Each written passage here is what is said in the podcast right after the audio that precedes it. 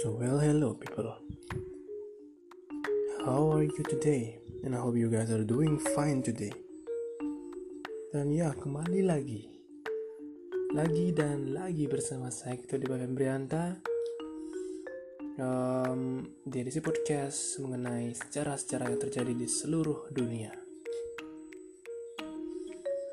Dan kali ini saya akan membahas mengenai memberikan um, gambaran kepada teman-teman sekalian tentang ya, kejadian histori yang terjadi di tanah air kita yaitu pada 18 September 1948 yang dikenal dengan pemberontakan PKI Madiun pertama.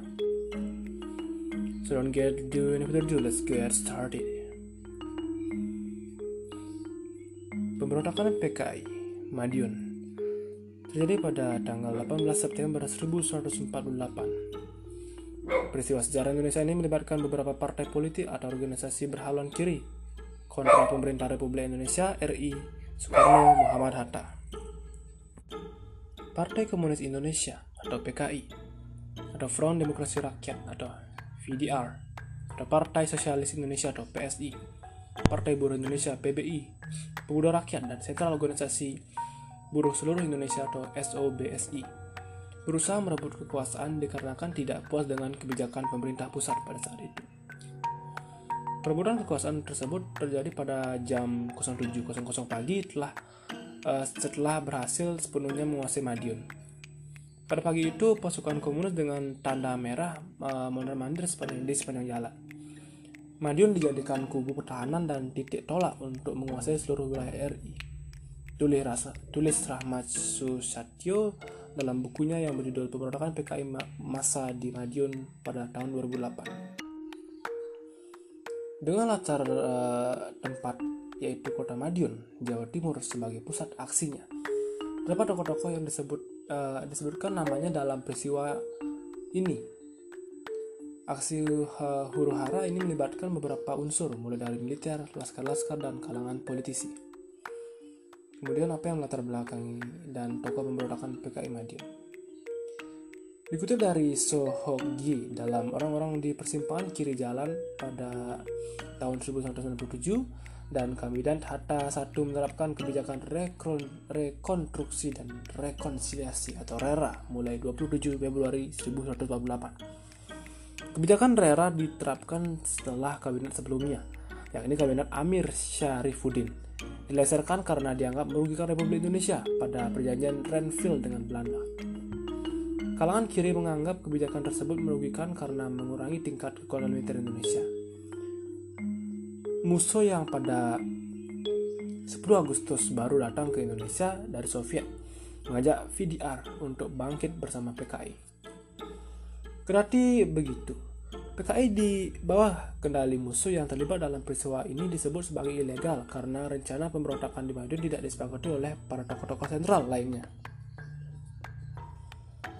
Atas uh, inisiatif musuh, digelarlah rapat di Yogyakarta yang menyerukan pergantian kabinet presidensial menjadi kabinet Front Persatuan. Tak hanya itu, terus pula gagasan kerjasama internasional, khususnya dengan Uni Soviet untuk menghadapi Belanda. Gerakan ini didukung oleh barisan kelompok kiri dan berencana menguasai daerah-daerah yang dianggap strategis di Jawa Tengah dan Jawa Timur, yaitu Solo, Madiun, Kediri, Jombang, Bojonegoro, Cepu, Purwodadi, serta Wonosobo dengan sebagai macam cara. Selama bulan Juli hingga September 1948, terjadi beberapa pembunuhan secara eh, serta penculikan terhadap orang golongan kiri yaitu DN Aidit dalam konfrontasi peristiwa Madiun 1948, peristiwa Sumatera 1956 sampai 1964 menyebutkan bahwa ada dua anggota PKI yang diculik yakni Islamet Wijaja dan Pardijo. Aidit yang kelak menjadi pucuk pimpinan PKI ini bahkan menuding ada menuding ada peran pemerintahan kabinet Hatta yang punya andil dalam insiden berdarah tersebut. Kasus pembunuhan lainnya yang terjadi dalam Siliwangi dari masa ke masa pada tahun 1968 yang disusun oleh Dinas Sejarah Angkatan Darat diungkapkan bahwa seorang perwira dari divisi, divisi penambahan Sunepati bernama Kolonel Sotarto ditemukan tewas di depan kediamannya di Solo.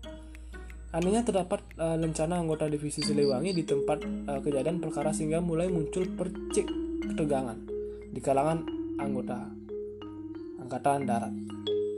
Bahkan menurut Muhammad Dimjati dalam sejarah perjuangan Indonesia pada tahun 1951, divisi, divisi penembahan Senopati dikatakan ikut membantu PKI atau VDR.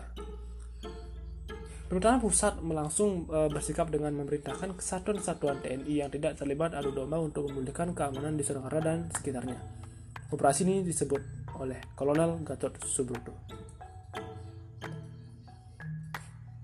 Kemudian apa sih tujuan dan akhir pemberontakan PKI Madiun?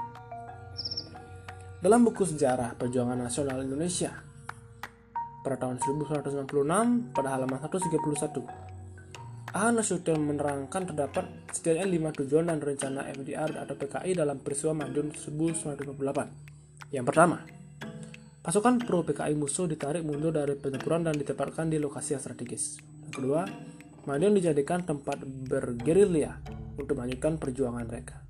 Yang ketiga, Solo dijadikan Wild West atau pengalihan perhatian. Yang keempat, selain tentara resmi, dibuat juga tentara-tentara yang ilegal. Yang terakhir, yang kelima, mengadakan demonstrasi besar-besaran, bahkan uh, menggunakan kekerasan jika diperlukan. Dinukil dari Indonesia Merdeka karena Amerika pada tahun 2008 karya Franz Yoda tanggal 18 September 1988 PKI bersama kelompok Waro dari Ponorogo menentang pemerintahan RI yang saat itu berpusat di Yogyakarta.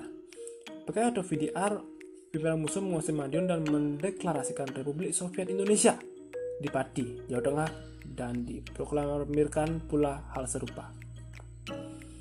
Di Frian dalam Indonesia Destinasi 2003 menyebutkan peristiwa Madiun 1948 menewaskan Gubernur Jawa Timur yaitu RM Suryo, Dr. Pro Kemerdekaan Mewardi, serta beberapa petugas polisi dan tokoh agama lainnya.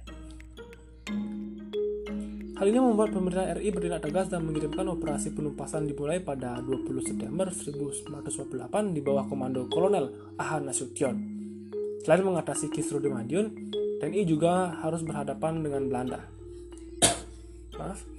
Lalu buku peristiwa Kop berdarah PKI September 1928 di Madiun pada tahun 1967 terungkap bahwa tanggal 31 Oktober 1948 musuh pimpinan dari FDR dan PKI ditembak mati saat lari tidak jauh dari Ponorogo.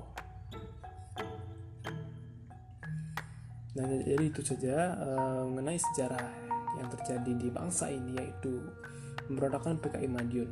Yang pertama, saya menyebut yang pertama karena ada ya nantinya saya, saya akan bahas juga yaitu PKI pemberontakan PKI yang kedua. Bisa dikenal dengan G30S PKI. Oke, saya mohon maaf jika ada kata-kata yang salah yang kurang berkenan di hati teman-teman. Saya mohon maaf sebesar-besarnya. Akhir kata saya atukan Pratama Santi. Om Santi, Santi Santi Om. Xiao.